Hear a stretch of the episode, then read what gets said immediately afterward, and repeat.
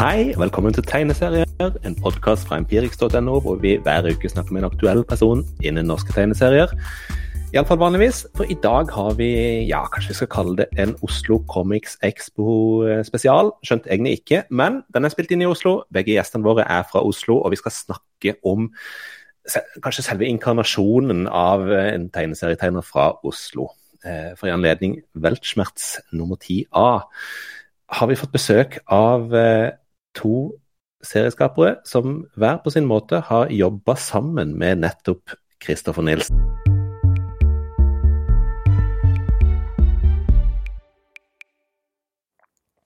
Hei, hei, velkommen. Jeg tenkte jeg skulle ønske dere velkommen litt sånn etter tur. Vi kan starte med deg, Ane. Velkommen til Tegneserier. Har du det bra? Ja, det, det har jeg. Tusen takk. Har du det bra? Jeg har det fint. Hva med det, Anders? Må jeg nesten si velkommen tilbake. Du har jo virkelig en travel høst for tida. Takk for det. jo, jeg har det bra. Veldig deilig å være ferdig med Vært på Den kulturelle skolesekken-turné.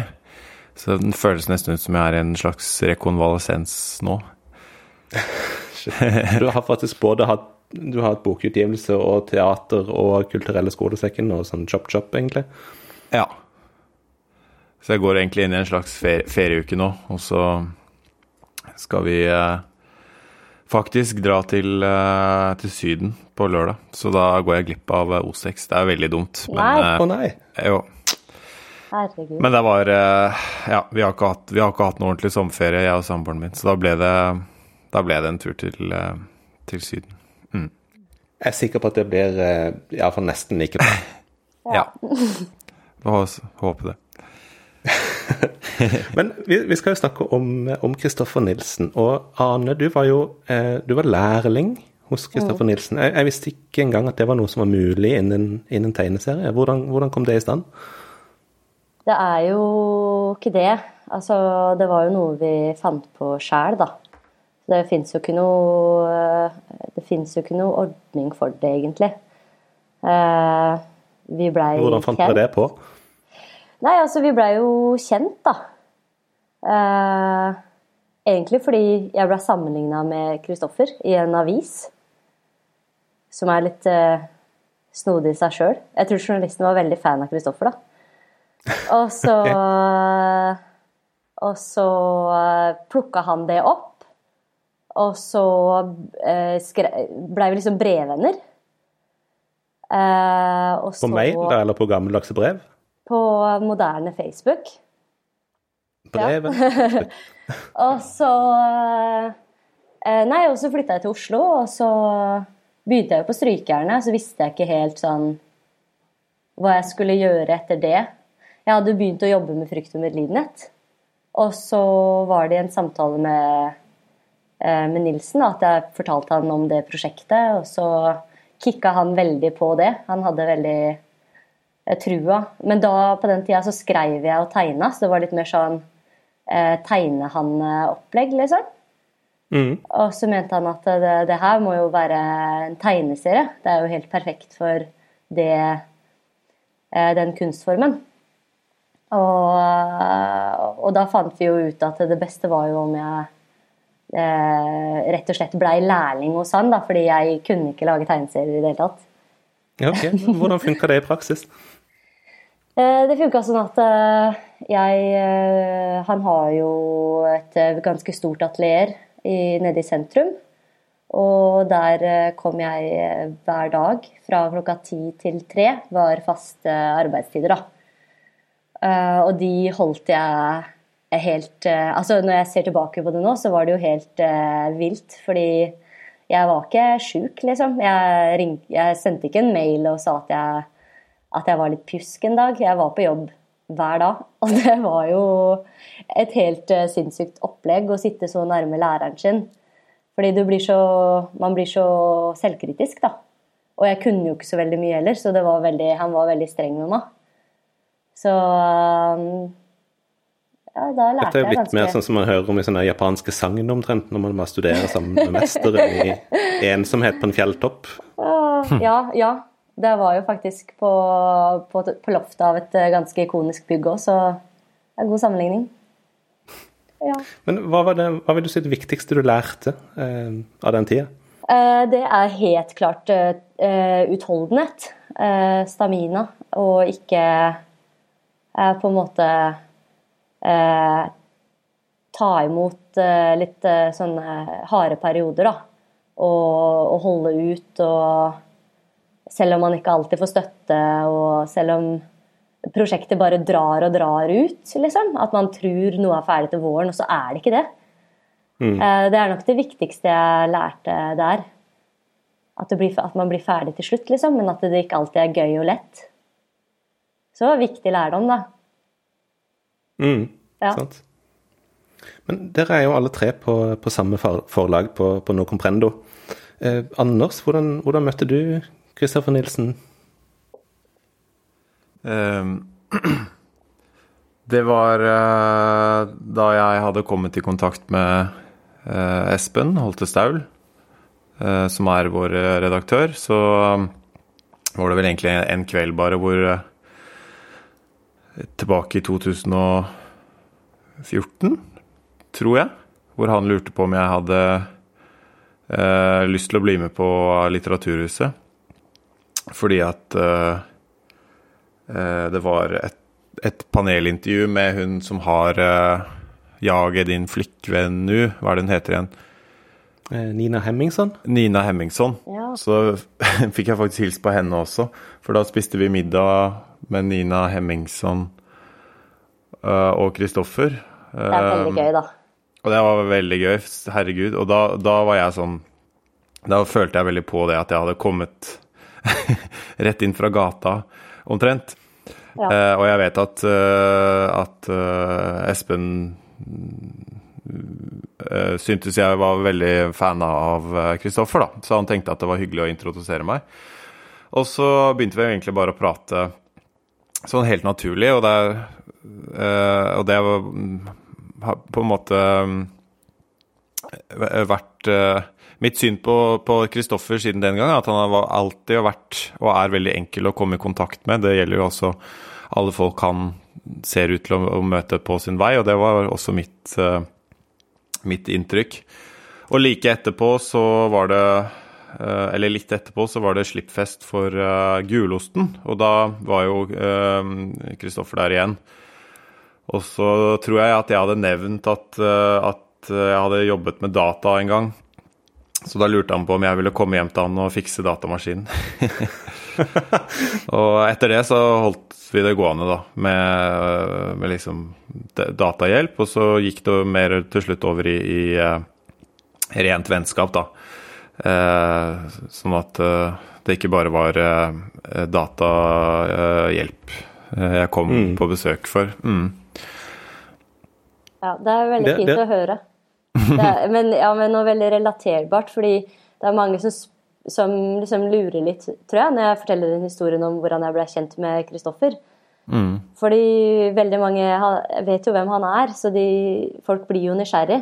Og svaret på det er jo at Kristoffer er jo egentlig ganske nysgjerrig person sjøl. Han er liksom mm. interessert i mennesker. Han er veldig interessert i mennesker, og jeg føler at han er veldig eh, opptatt av og interessert i hva de unge eh, driver med. Det var en gang jeg spurte om han ville bli med på familiefest på hytta mi. Og da sa Kristoffer ja, høres ut som det bare kommer eh, onkler og tanter på min alder. ja, ja. ja, det gjør det. Eh, det var derfor jeg tenkte at du kanskje Nei, det gidder jeg ikke. Får heller ta det på, på bursdagen din når eh, jevnaldrende kommer. Ja. Det er liksom det jeg føler at Kristoffer er også, en jevnaldrende på en måte. Men han er jo, han er jo åpenbart ikke det, da. Ja, ja. Men, men han er ung til sinns. Ja, veldig. Hva slags posisjon har Kristoffer Nilsen sånn blant, blant serietegnere? Eh, ut fra tegneseriene så er det jo liksom, alltid litt sånn outsider-perspektiv og sånn, men, det dere forteller, er liksom en veldig eh, mer varm og inkluderende person.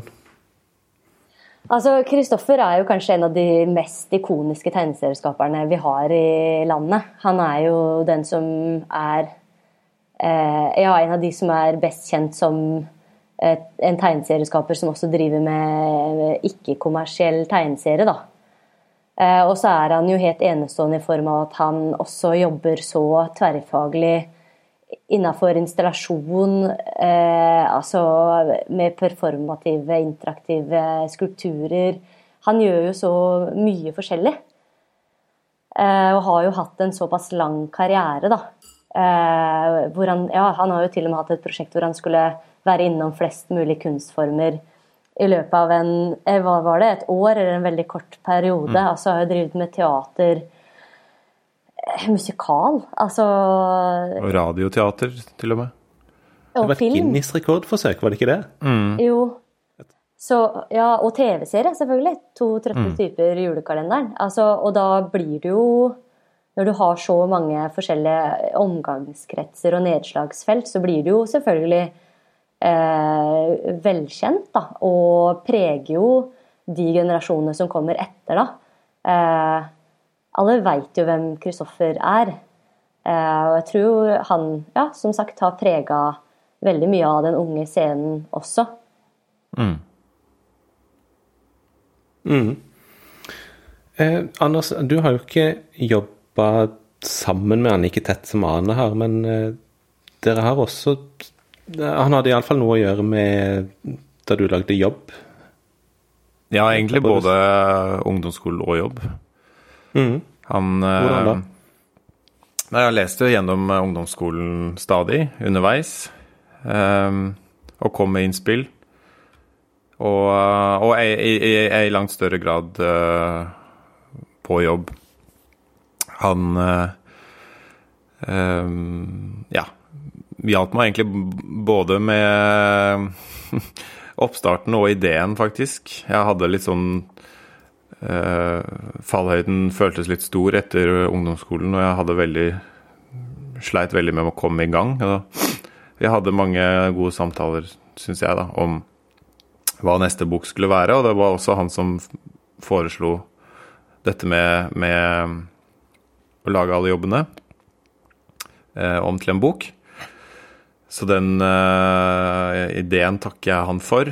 Uh, og uh, manuslesning og innspill, noen som jeg tok til mitt bryst, og noen som jeg var faktisk litt uenig med, da.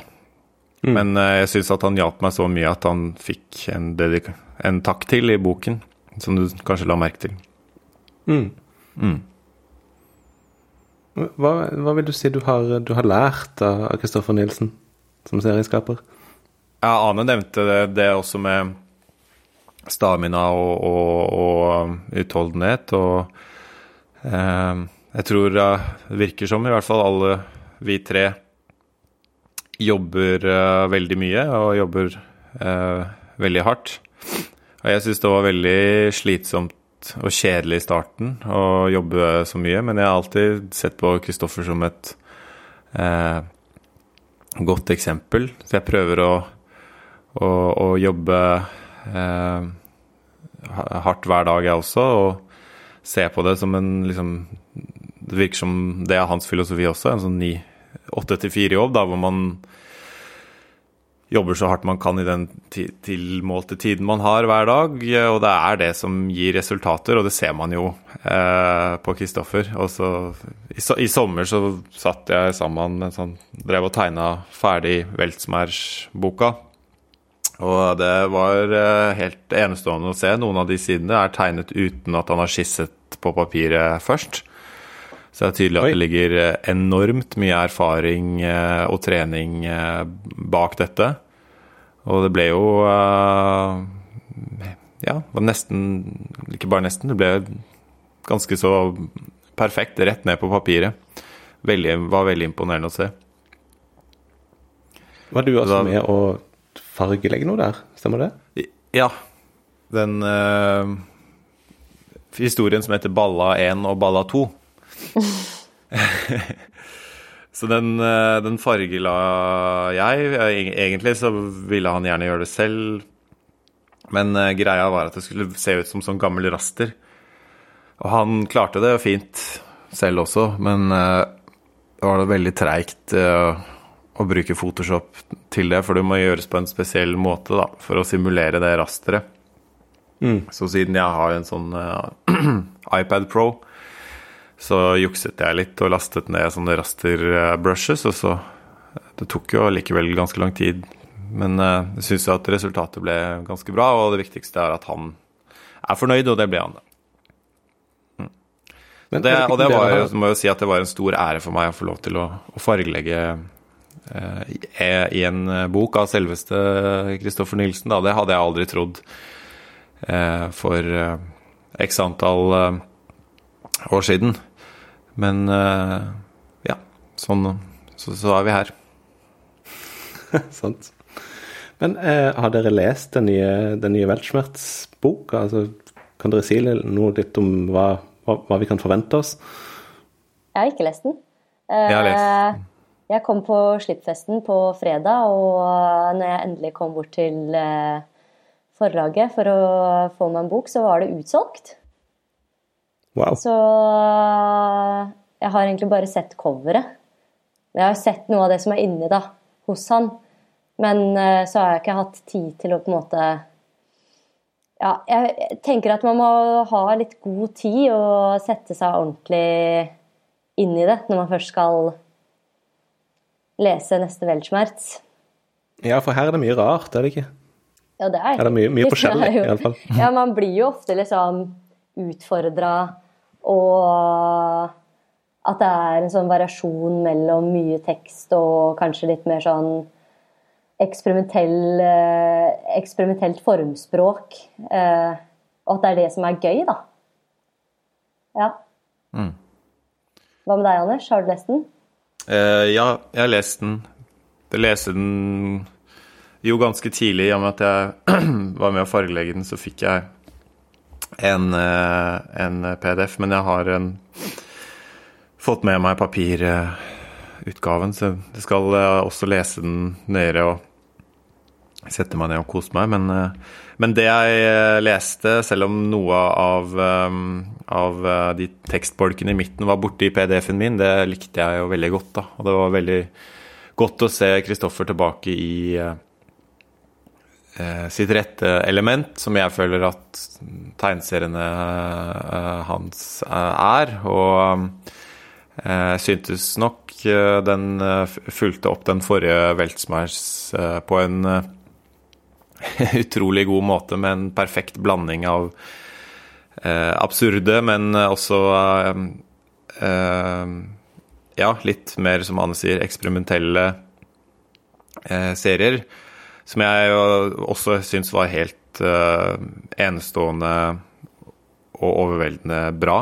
Uh, særlig denne lange, den lengste historien i boka, om denne 2D-personen som kommer inn i en 3D-verden.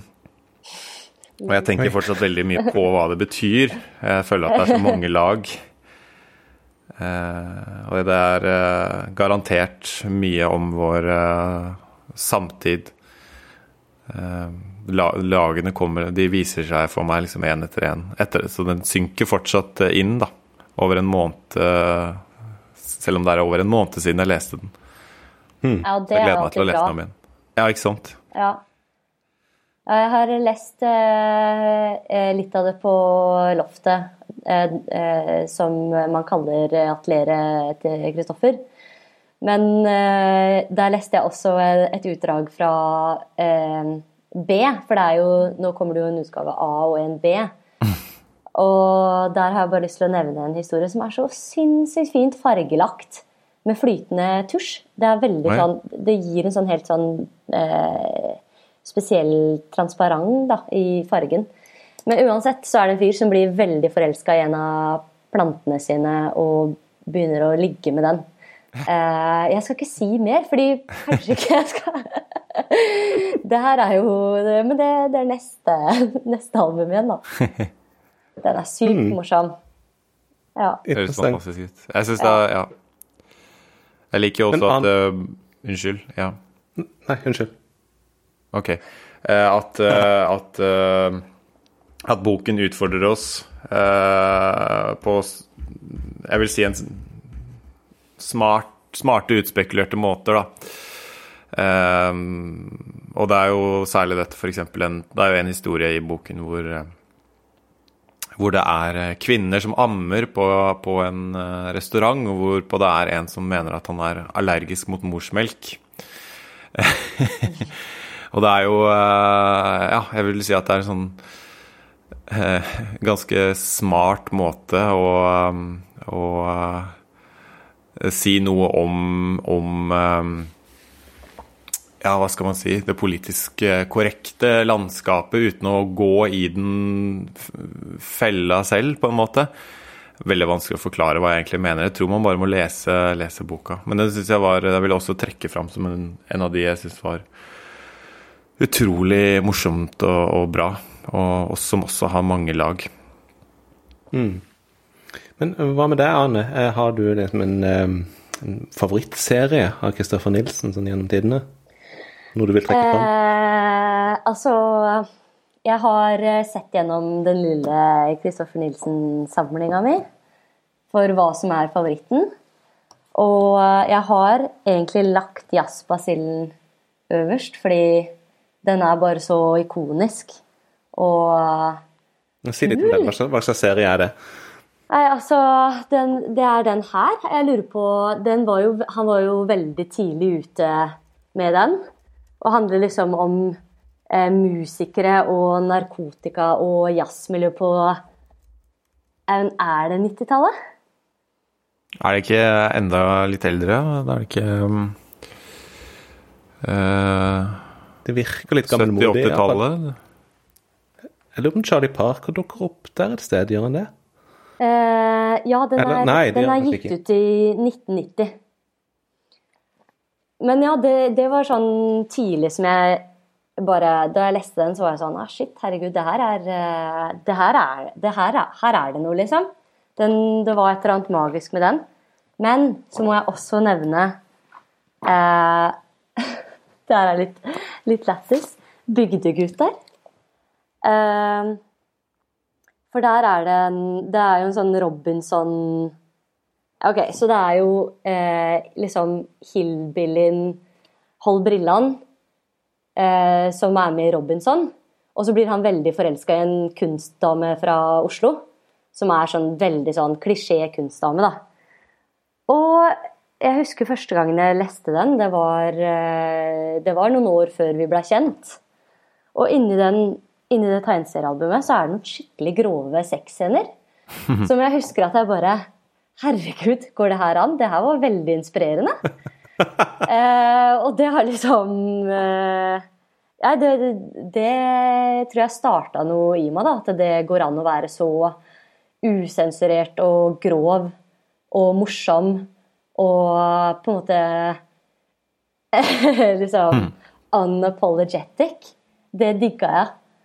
Så ja, jeg tror det må være kanskje to favoritter. Men ellers så er jeg jo veldig glad i sånn eh, misfornøyelsesbar som kunstverk også, da. Ja. Mm. Ja, For det er, en, det er en bar i, i, Oslo? Ja. Som han har eh, eh utsmykka eh, fra Eller ned til hver minste detalj, da. Eh, til ja, altså til slush, altså slushmaskiner, til eh, gjort samarbeid med å lage tapet og barkrakker, altså møblement, eh, malerier av eh, mennesker som han kjenner, som han har basert på en måte, historiske sykdommer på. Ja, du har et maleri der, har du ikke det?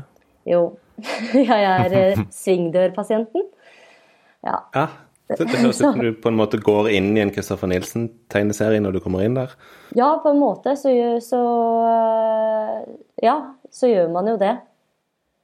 Ja, så det ja, var tre, tre ting jeg ville trekke fram, da. Mm. Hva med deg, Anders? Har du noen, noen favoritter?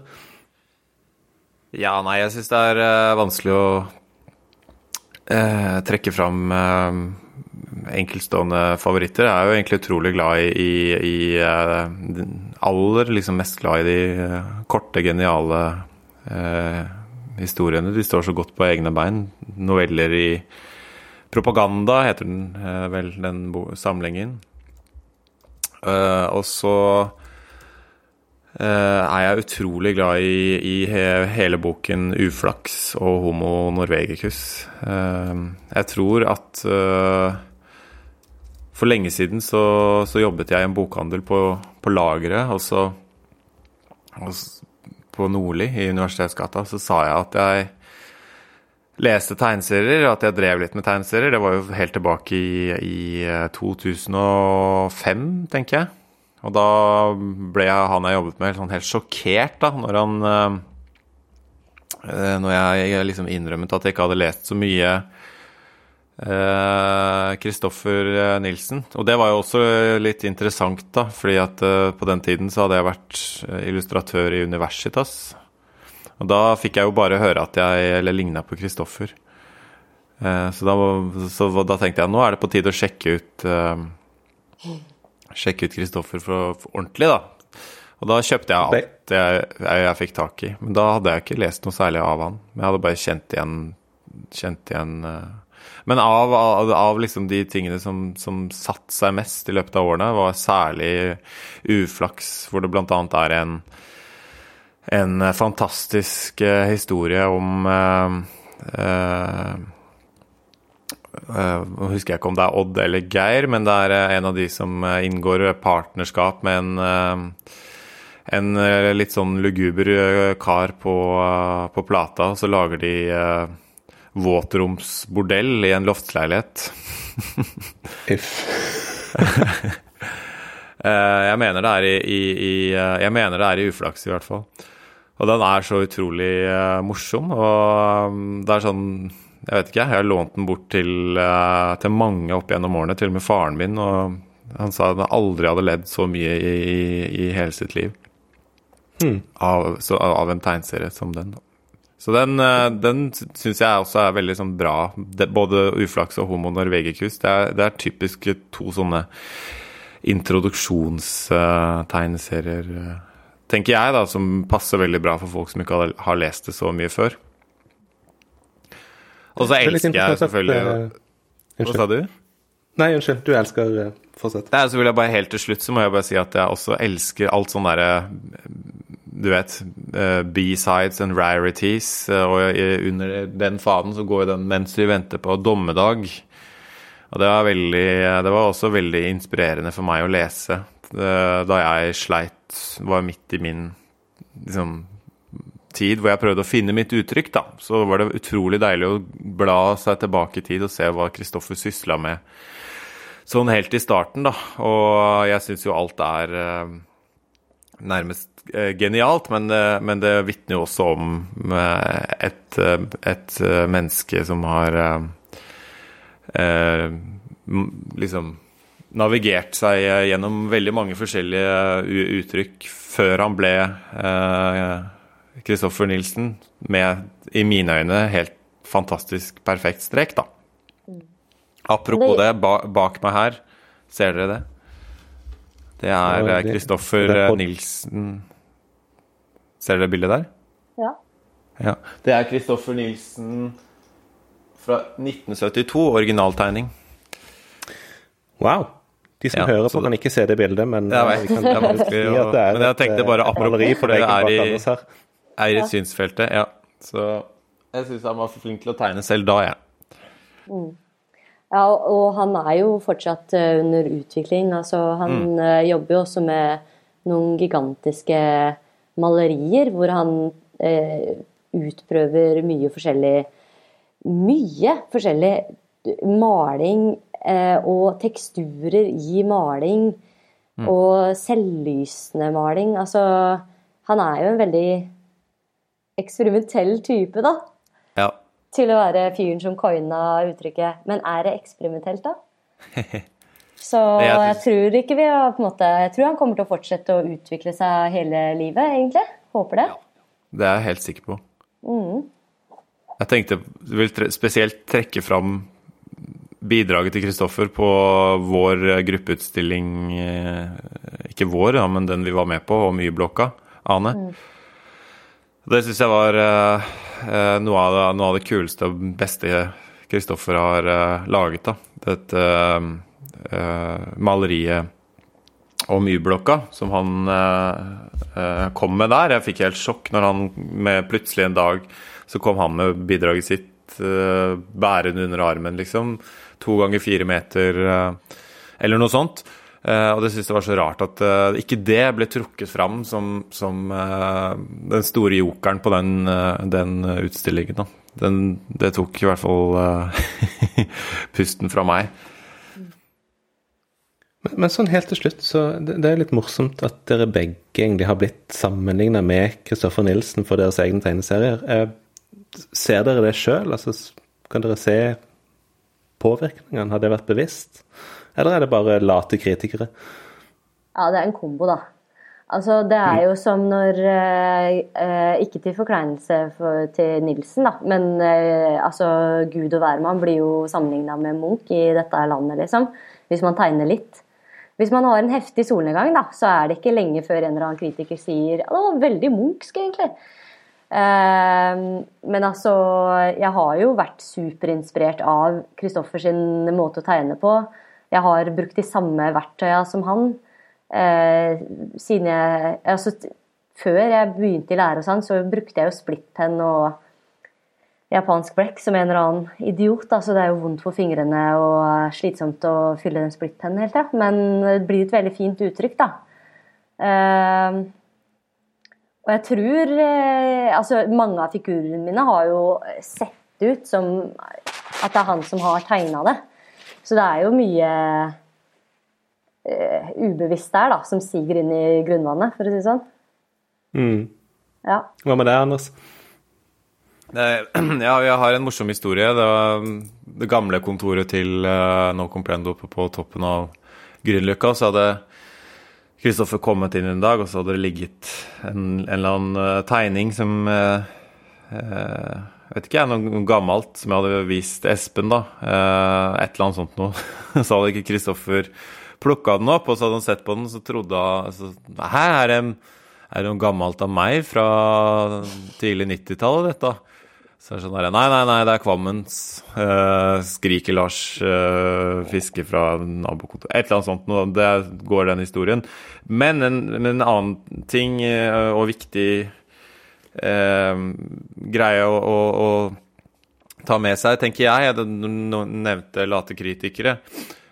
Så tenker jeg ja på, på mange måter. Fordi at både meg og, og jeg er selvfølgelig en late bloomer i tegneserie eh, kunsten. Men, men uh, da jeg jobbet på dette stedet, som jeg nevnte, den bokhandelen, så leste jeg jo alt jeg kom over.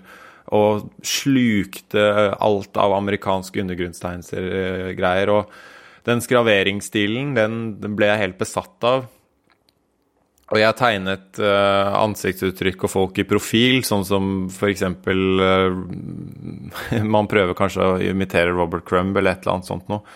Og det er jo nok min forklaring, tror jeg, er mer at, at, jeg, at, det er så få folk, har vært i hvert fall, som har kjørt på med den rene undergrunnsstilen. Fordi hvis du drar til Sverige, så er det plutselig veldig mange andre som også ligner på Christoffer Nilsen. Mm.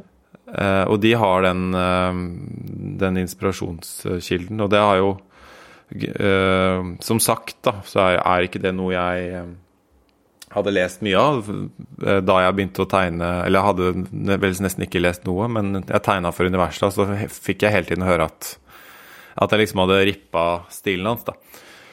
Og det er jo interessant, da. Ja. Men det blir litt mer sånn derre eh, Ja. Jeg, da jeg begynte å Eller tok opp igjen tegningen, da jeg begynte å tegne for alvor, liksom, da jeg mm. begynte på universitetet, så var det veldig mange som syntes eh, at jeg hadde ligna så på Pushwagner. Ja, nettopp. Og selvfølgelig var det en stor uh, inspirasjon på den tida, men uh, man ser det jo ikke alltid sjøl, ikke sant? Nei. Mm. Ja. Bare skøyt uh, Ja, men ikke sant. Man, man tar de knaggene man har, og, og, og, og, henger det på, da. Ja. selv om du kanskje var Altså så er det ikke det, er det, ikke det sikkert at de, de, så ikke noe annet uh, imellom. Hvis, du, hvis, man absolutt skal name-droppe noen som Så er jo det den ene store. Men det betyr jo ikke Ja. at, det- at det var veldig inspirert heller. Nei, men det tror jeg også er et eh, slags eh, kompliment til Kristoffer. Fordi han Ja. er jo blitt så stor at det er jo veldig mange som kjenner til den. Og da tror jeg også det er veldig mange som ser hans strek overalt. Fordi man har sett den streken så ofte at det blir en eh, sånn Ja, det blir ikonisk. Det er også helt sant. Det var en veldig fin avrunding, syns jeg. Ja, jeg er ikke dum. Jeg er ikke så dum som jeg ser ut som. Du er ikke det. Ja, men det er veldig bra. Jeg tror vi kunne egentlig fortsatt kjempelenge, men uh, tusen takk for at dere kom i dag. Takk Bare for at vi fikk komme. Det var alt vi hadde for i dag. Stemmer det at å anmelde Kristoffer Nilsens weltschmerz-utgivelser er som å skulle bedømme kjøttkvaliteten i en ironisk pølsespisekonkurranse? Det mener iallfall vår kritiker Petter Lønningen, som har anmeldt weltschmerz 10A på empirix.no nå. Eh, Vi er tilbake neste uke med en, eh, ikke noe annet enn en juleheftespesial. Inntil da så får du god lesning, og vi høres.